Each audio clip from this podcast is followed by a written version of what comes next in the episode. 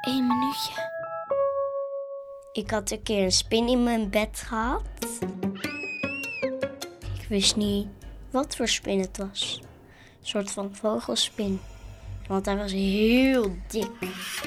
En hij liep op mijn bed. Toen zei ik tegen mijn moeder: Help mama, er zit een spin in mijn bed. Toen kwam zij met een schoen aanlopen. En toen zei ze nog een paar keer sorry spin. Toen sloeg ze heel hard.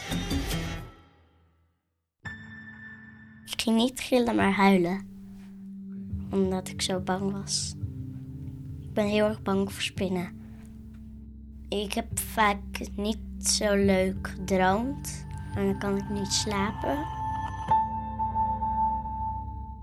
Als ik in droomland ben, dan zou ik wensen dat ik geen spinnetjes zie. Alleen snoepspinnetjes die ik op kan eten.